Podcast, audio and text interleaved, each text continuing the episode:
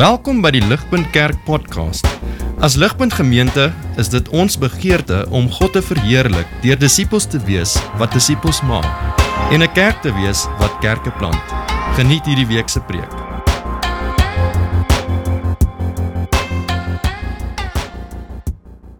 Julle die woorde van hierdie Psalm is hard, soos ek gesê het. Julle spesifiek daai laaste twee verse ehm um, sukkel mense noodwendig om te weet wat maak ek met hierdie, maar wat ons weet is dit is rou en dit is eerlik. En so ek wil vanaand op dieselfde manier begin.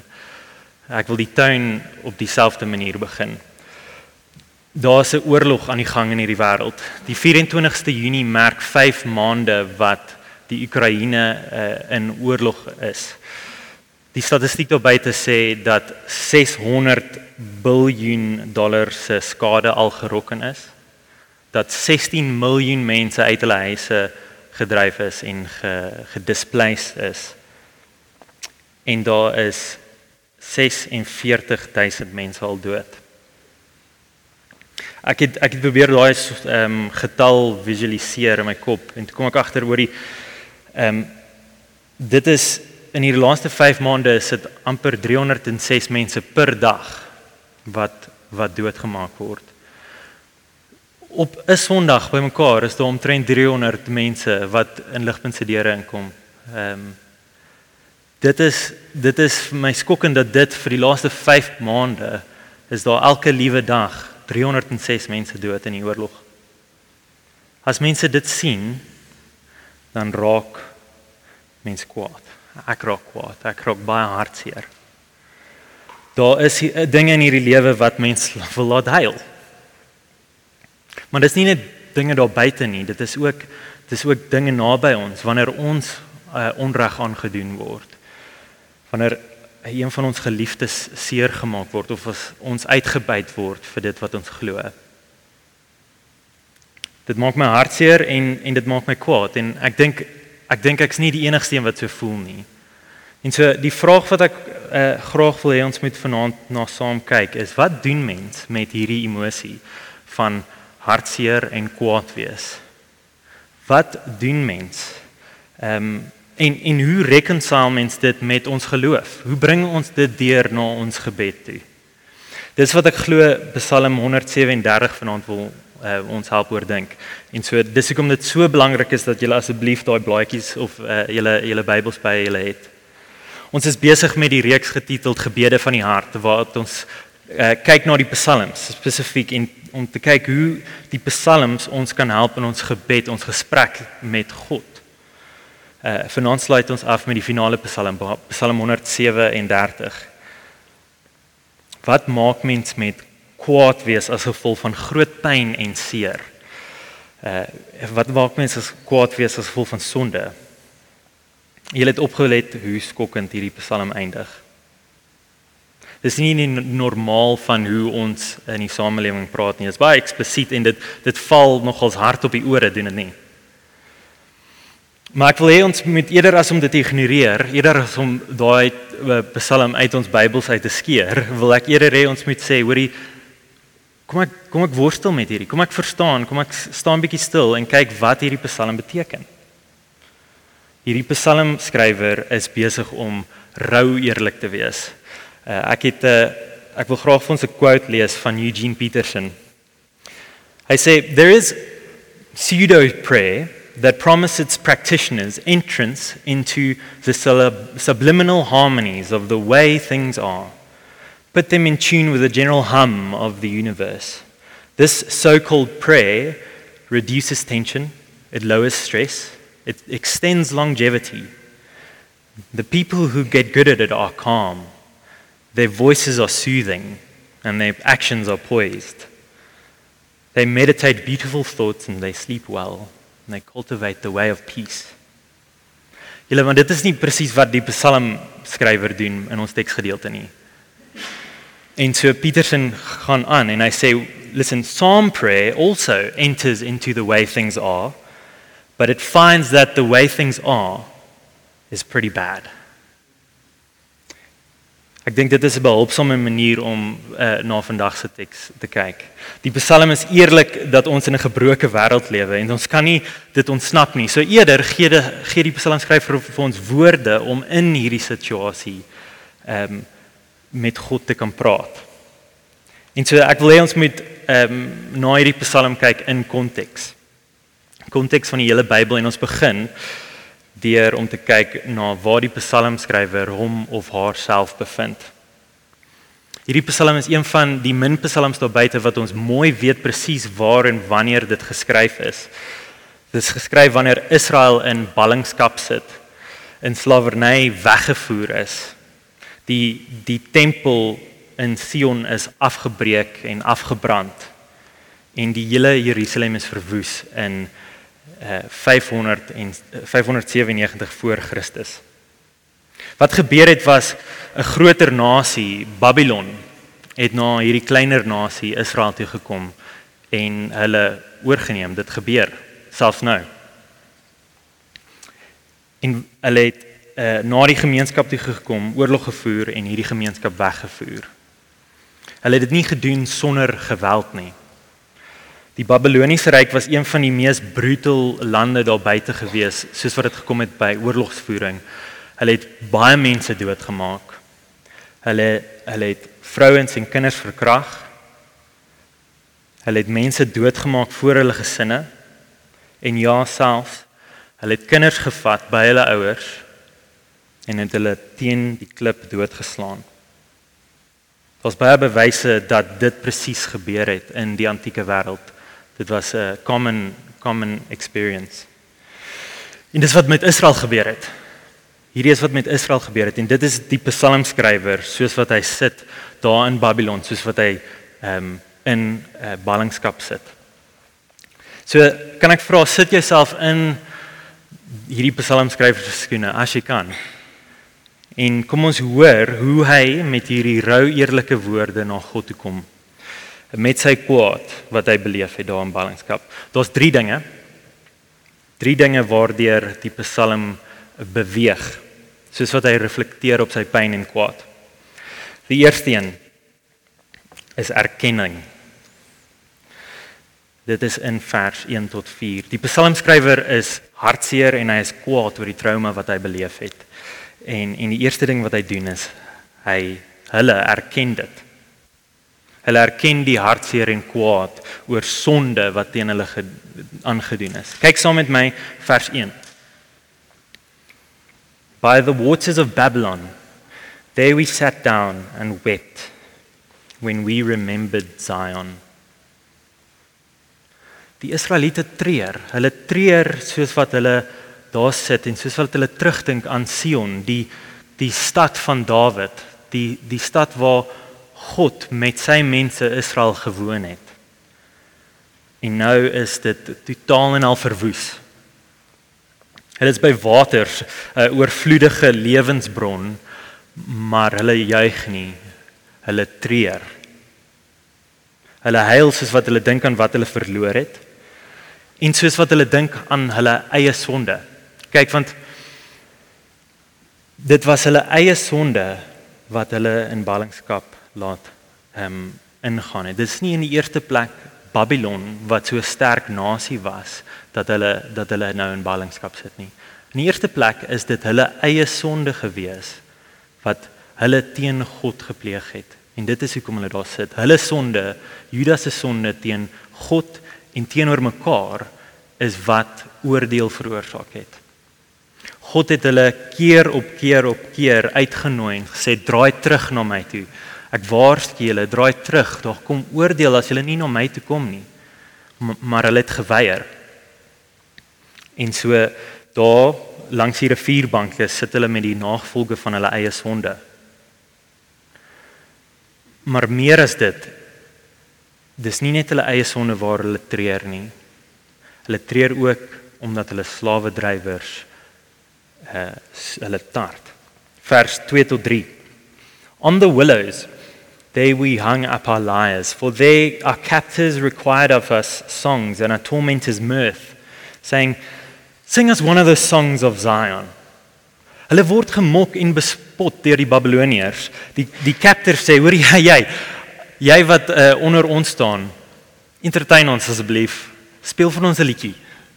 Ehm um, maar oor die moenie net enige liedjie speel nie. Kan jy asseblief 'n Sions liedjie vir ons speel? Jy weet daai daai Sions liedjies wat gaan oor jou God wat so groot is. Daai Sions liedjies wat gaan oor uh, jou God wat oor ons gode regeer. Sing ons een van daai liedjies soos wat julle hier in ballingskap sit. Julle kan dink dat dit die psalmskrywer kwaad maak. Hy hy hy raak kwaad. En so hy antwoord hulle. Hy antwoord hulle vers 4. How How shall we sing the Lord's song in a foreign land? Hy die psalmskrywer sê ek gaan nie dit doen nie. Ek gaan nie die Here Jahweh se lied vir julle sing tot julle bespotting nie. Ek gaan nie ingegee ek gaan nie ingee en gebreek word deur julle woorde van bespotting nie. Ek gaan nie my God verkleineer nie. Hoe kan ek dit doen? Ek is nie hier in Babylon om julle te entertain nie. Ek is hier as gevolg van my eie sonde. Ek ek is hier omdat ek gesondig het teen die enigste lewende God en ek treur oor die wreedheid met wat julle Babiloniërs teen ons gemaak het en en dat julle verlustig in ons leed. Ek gaan nie sing nie. Hoe kan ek sing?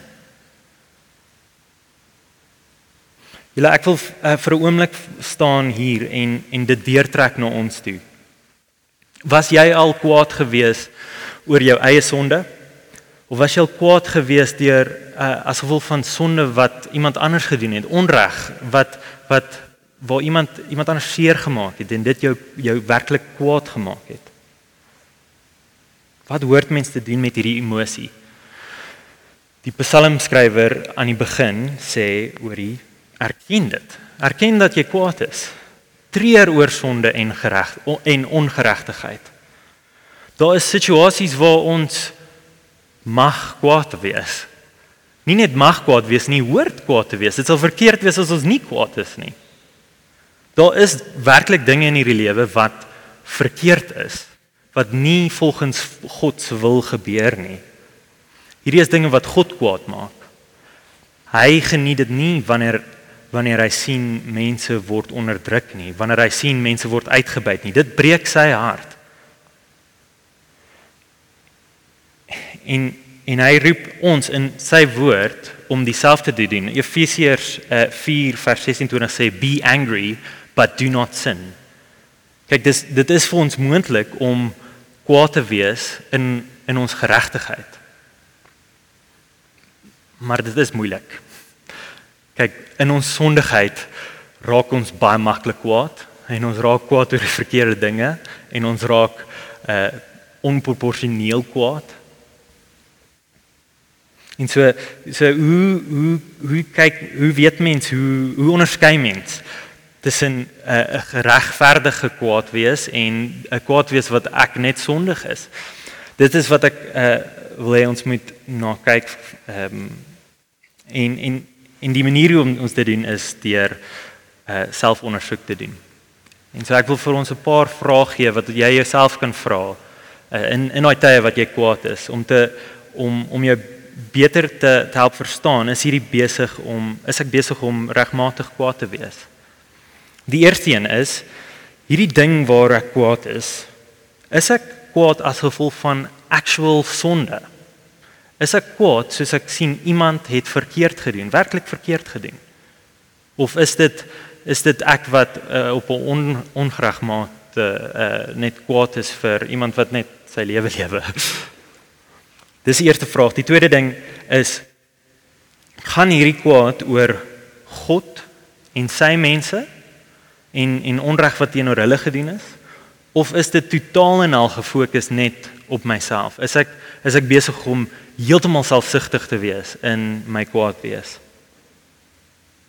Die derde die derde vraag is is my is my kwaad wees proporsioneel tot die sonde?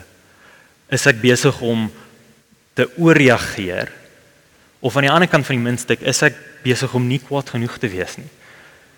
Kyk want ek dink baie keer vir my is die die tweede die plek waar ek in die lokval trap. Ek ek raak soms nie kwaad genoeg nie. As ek die die armoede in ons land sien, as ek ons broers en susters sien wat arm is, is my hart nie altyd gebroek uh, gebreek deur hulle situasie om kwaad te raak vir waar hulle is nie en die onreg van van wat hulle in daai situasie ingebring het.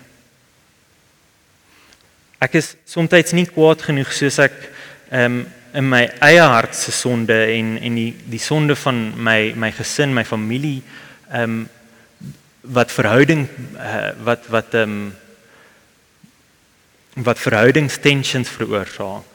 Ehm um, wat beteken dat ek nie mooi oop en eerlik met iemand kan praat nie. Ek raak nie genoeg kwaad oor dit nie. Ek dink nie ek raak genoeg kwaad oor die rasisme wat steeds in ons wêreld is nie. Ek kan aangaan. Die eerste ding wat ek wil hê ons moet sien is dat ons kan uh ons hoort kwaad te wees en seer te wees en ons hoort dit erken. Maar dit stop nie daar nie. Die psalmskrywer gaan dan aan en hy hy draai na God toe. Dit is die tweede ding wat ek wil hê ons moet raak sien. Hy draai na God toe. Vers 5 en 6. Lees asseblief saam met my. In die, in die reaksie van die op uh, van hierdie bespotting gaan hy en beloof hy. Vers 5. If I forget you, O Jerusalem, let my right hand forget its skill. Let my tongue stick to the roof of my mouth if I do not remember you, if I do not set you, Jerusalem, above my highest joy.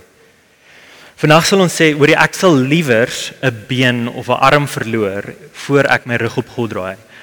Ek sal eerder doodgaan voor ek my uh, van my God vergeet. Hoekom sê die psalmskrywer dit? Hoekom is dit vir die psalmskrywer so belangrik om Jerusalem te onthou? Want dit is omdat Jerusalem en Sion die plek is waar die God van hemel en aarde met sy mense gewoon het. Dit is dit is om homself te herinner van wie God is, wie Yahweh is en wat hy al vir hulle in geskiedenis gedoen het. As ook nie net wat hy uh gedoen het vir hulle nie, maar ook wat hy beloof om vir hulle te doen, selfs nou soos wat hulle in ballingskap sit. Hierdie is 'n um, woorde uit 1 Konings 8 uit. Hierdie is woorde wat gespreek is deur Salomo teenoor God voordat hulle in ballingskap ge, uh, uitgestuur is. Maar dit is so van pas van waar hulle self nou bevind. Lees asseblief saam met my. Salomo uh, bid tot God. Hy sê, "When they sin against you, for there is no one who does not sin, and you become angry with them, and give them over to their enemies who take them captive to their own lands, far away or near." Dit is dit is wat gebeur het met hulle in ballingskap. And if they have a change of heart in the land where they are held captive, if they turn back to you with all their heart and soul in the land of their enemies who took them captive, and pray to you toward the land you gave their ancestors, towards the city you have chosen, and the temple I have built for you in your name. Then from heaven, your dwelling place, hear their prayer and plea, and uphold their cause, and forgive your people who have sinned against you. Forgive all the offenses they have committed against you, and cause their captors to show them mercy. For they are your people and your inheritance, whom you brought out of Egypt, out of that iron smelting furnace.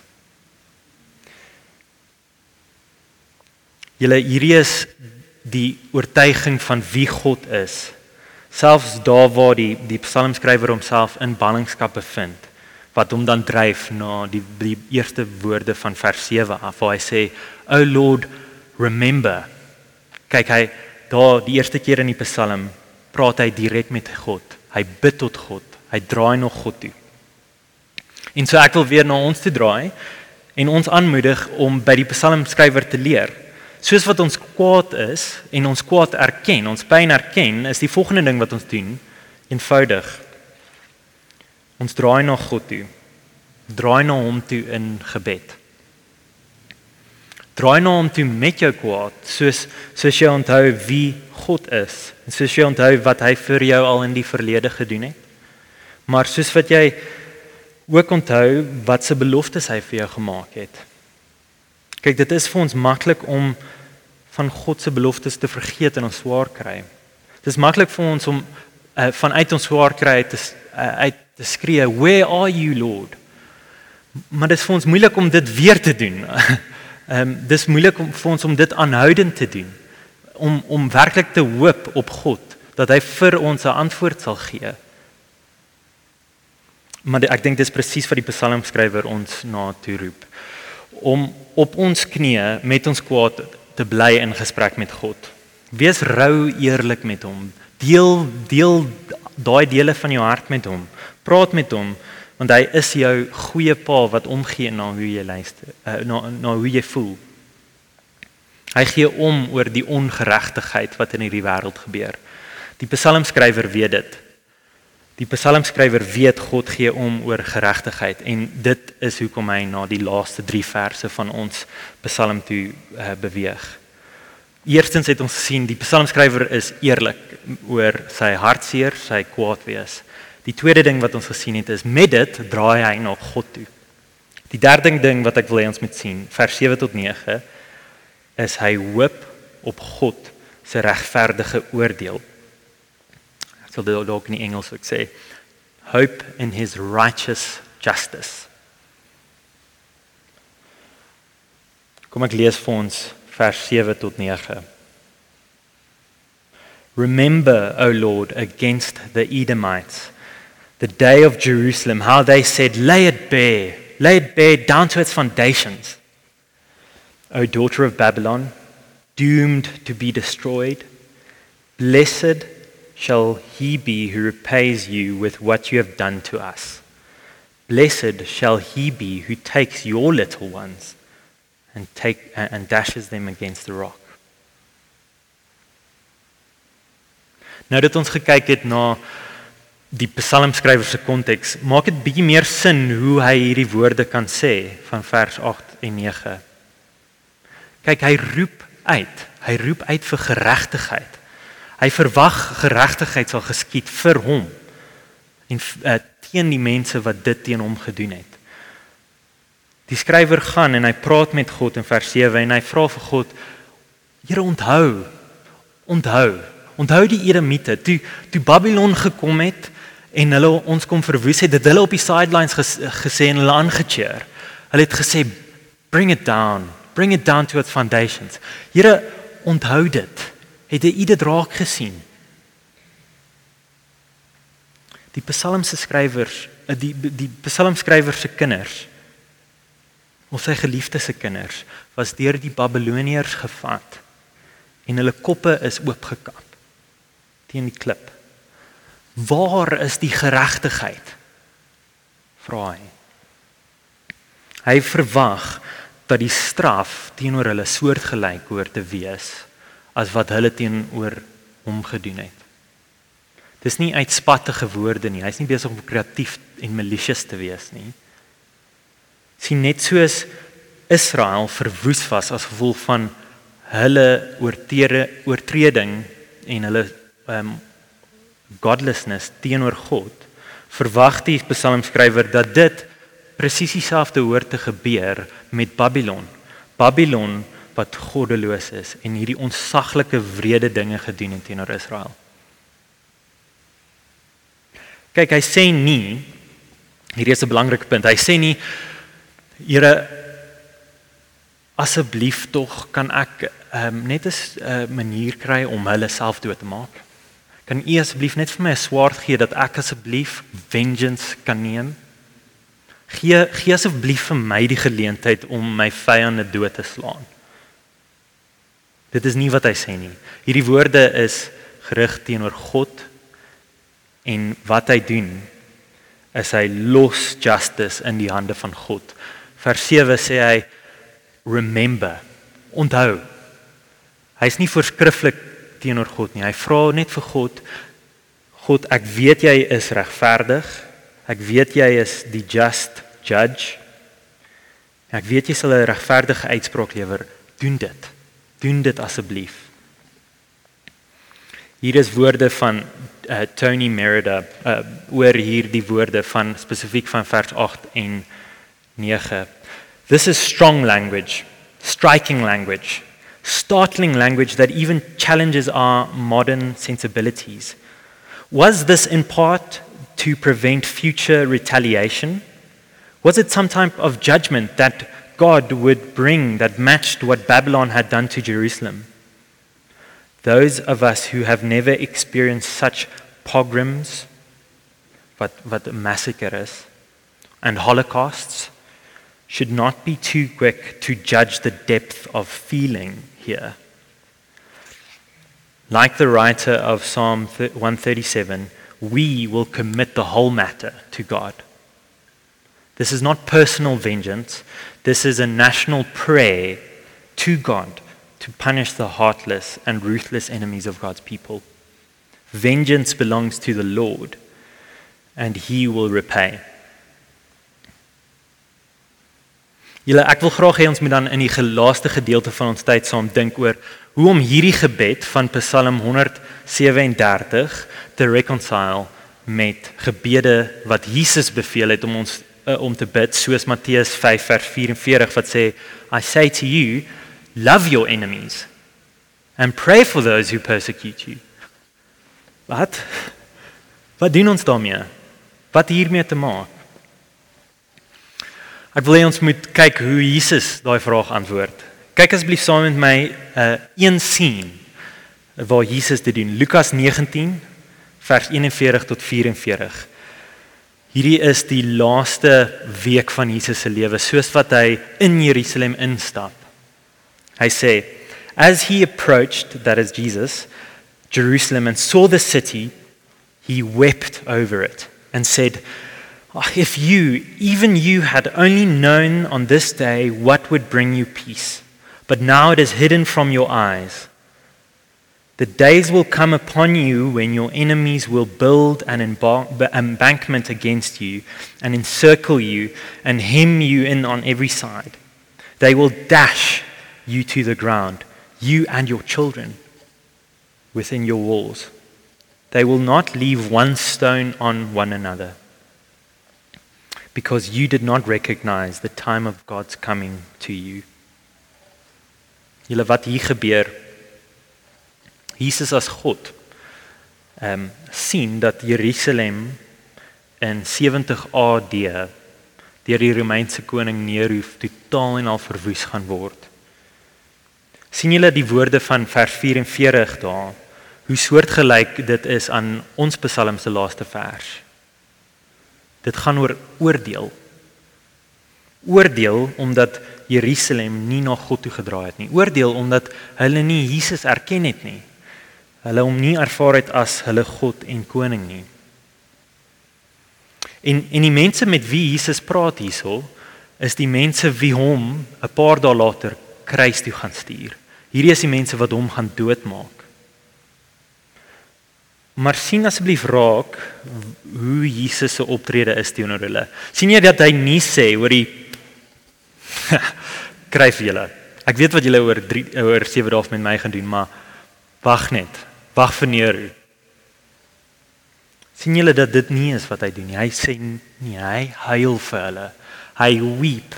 As julle maar net geweet het, as julle maar net na my toe gekom het, as julle net teruggedraai het, maar maar julle het nie. As julle net my koningskap wil aanvaar, maar julle gaan nie. If only you knew. Julle hierdie is Jesus se hart vir sy vyande. En so, hoe kan Jesus dit doen? Hoe kan hy hoe kan hy ehm um, die woorde selfs van Psalm 137 gebruik en dit bid? Hoe rekensal hy dit? Julle dit gaan oor justice, regverdigheid. Wat van die geweld en die uh, die wickedness in hierdie wêreld? Iemand hoort te betaal vir hierdie ongeregtigheid. Die psalmskrywer sê, "Wat van my kinders? My kinders is doodgeslaan.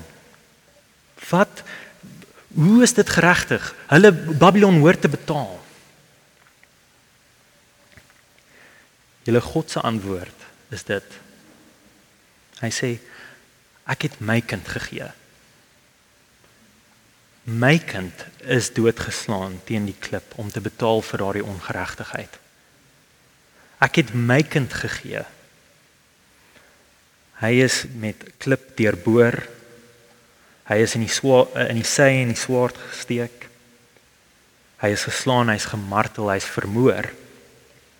Ek het my seun gegee dat geregtigheid geskied. Jesus het uit liefde aan daardie kruis dood gegaan. Dit was dit was die enigste manier hoe om 'n unrighteous mense, 'n wicked mense te red van God se oordeel. Dis die enigste manier hoe ons gered is. Kyk want ek en jy is net so wicked soos Israel en soos Babylon. Want die hart van hulle sonde was dat hulle teen God gedraai het. Die hart van hulle sonde was dat hulle nie sy koningskap ervaar het, uh, uh, aanvaar het en onderdanig daaraan was nie. En ek en jy doen presies dieselfde. Ons sê nee vir God. Ons sê sê nee vir sy oop arms en sy goeie koningskap. Ons verkies dat ons eerder ons kroon uh, op ons koppe hoort te dra. En vir daai rede is ek en jy ook onder dieselfde oordeel as wat uh, gekom het vir Israel in hierdie Psalm en wat Israel uh, wat die psalmskrywer sê kom vir Babylon. En dit is hoekom Jesus gekom het. Hy het gesê kom na my toe en ek sal daai daai um punishment dra. Ek ek wat die geregtige een wat is, ek wat geen sonde het nie, sal in jou plek sonde wees.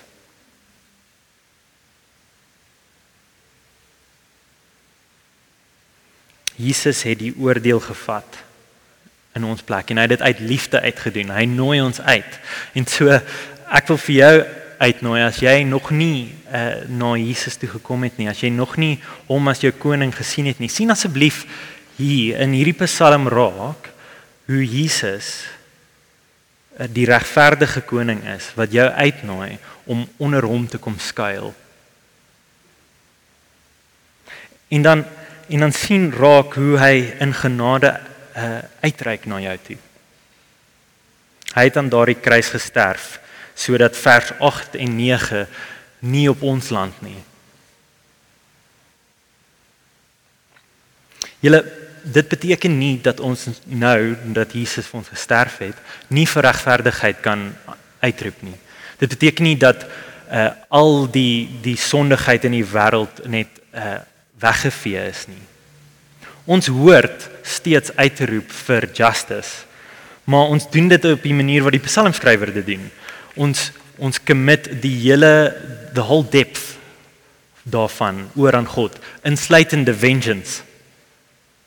Ons vra dit ons ons ons praat eerlik met hom en ons los dit by hom. En die volgende ding wat ons doen is ons is ons hoort gretig te wees om daai genade wat Jesus vir ons gewys het uit te deel vir ander. Kyk, want Jesus het 'n ehm 'n onmeetbare uh, bron van genade vir elkeen van ons. Dit kan nie opgebruik word nie. En so ons ons word uitgenooi om dit wat Jesus vir ons te gedoen het te wys aan ons vyande, mense te vergewe. Want Jesus se hart teenoor daai mense is ook kom na my toe. Laat my kruisdood jou van oordeel spaar. Laat my kruisdood daai oordeel totaal en al absorbeer.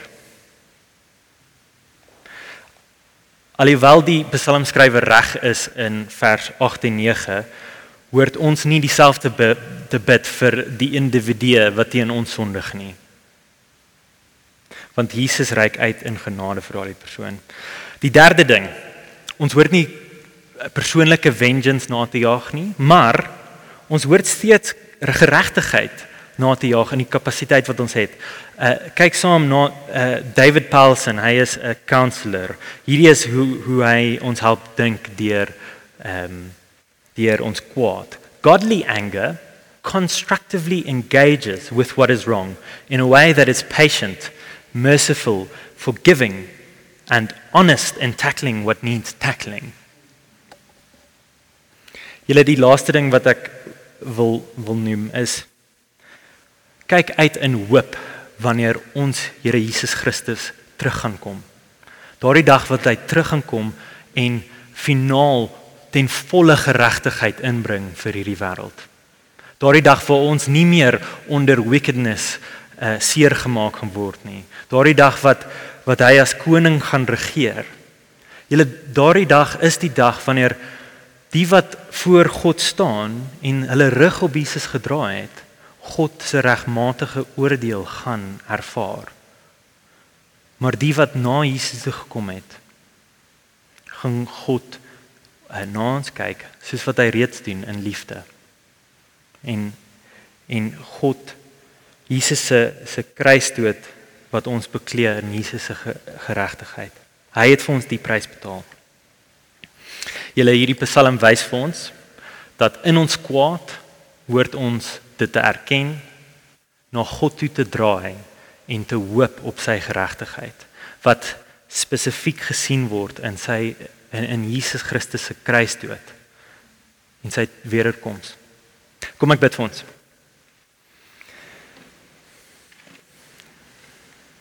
Ons almagtige Vader, ons ons dankie vir die woorde van Psalm 103 uh, 137.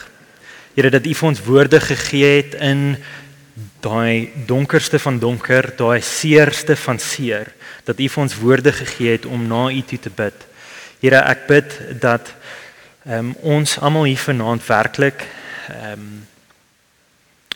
na U toe sal draai in daai tye wat ons werklik seer het en werklik seer aangedoen is, sal U asseblief ons help om na U te draai en en hoop op U geregtigheid.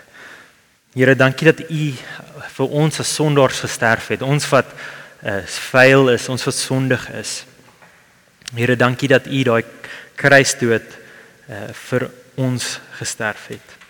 En dat U ons vrygespreek het en uh, geregtig gespreek het. Here ek bid dat ons in dit sal lewe op 'n dag na dag basis dat ons uit hier uit sal stap en sal proe u genade vir ons in Jesus Christus. Ek bid dat ons dit vir ander mense sal wys. Ehm um, soos wat hulle sondig teenoor ons dat ons in genade sal uitreik uh, op grond van u genade teenoor ons. Here, en ons hoop met 'n groot verlange vir daai dag wanneer u terugkom. Wanneer u ten volle u koninkryk inbring waar geregtigheid sal geskied en waar ons in perfekte verhouding met u sal wees en perfekte verhouding met mekaar. Ons bid dit in Here Jesus se naam alleen. Amen. Vir meer inligting oor Ligpunt Kerk, besoek gerus ons webwerf op www.ligpunt.com of kontak ons gerus by info@ligpunt.com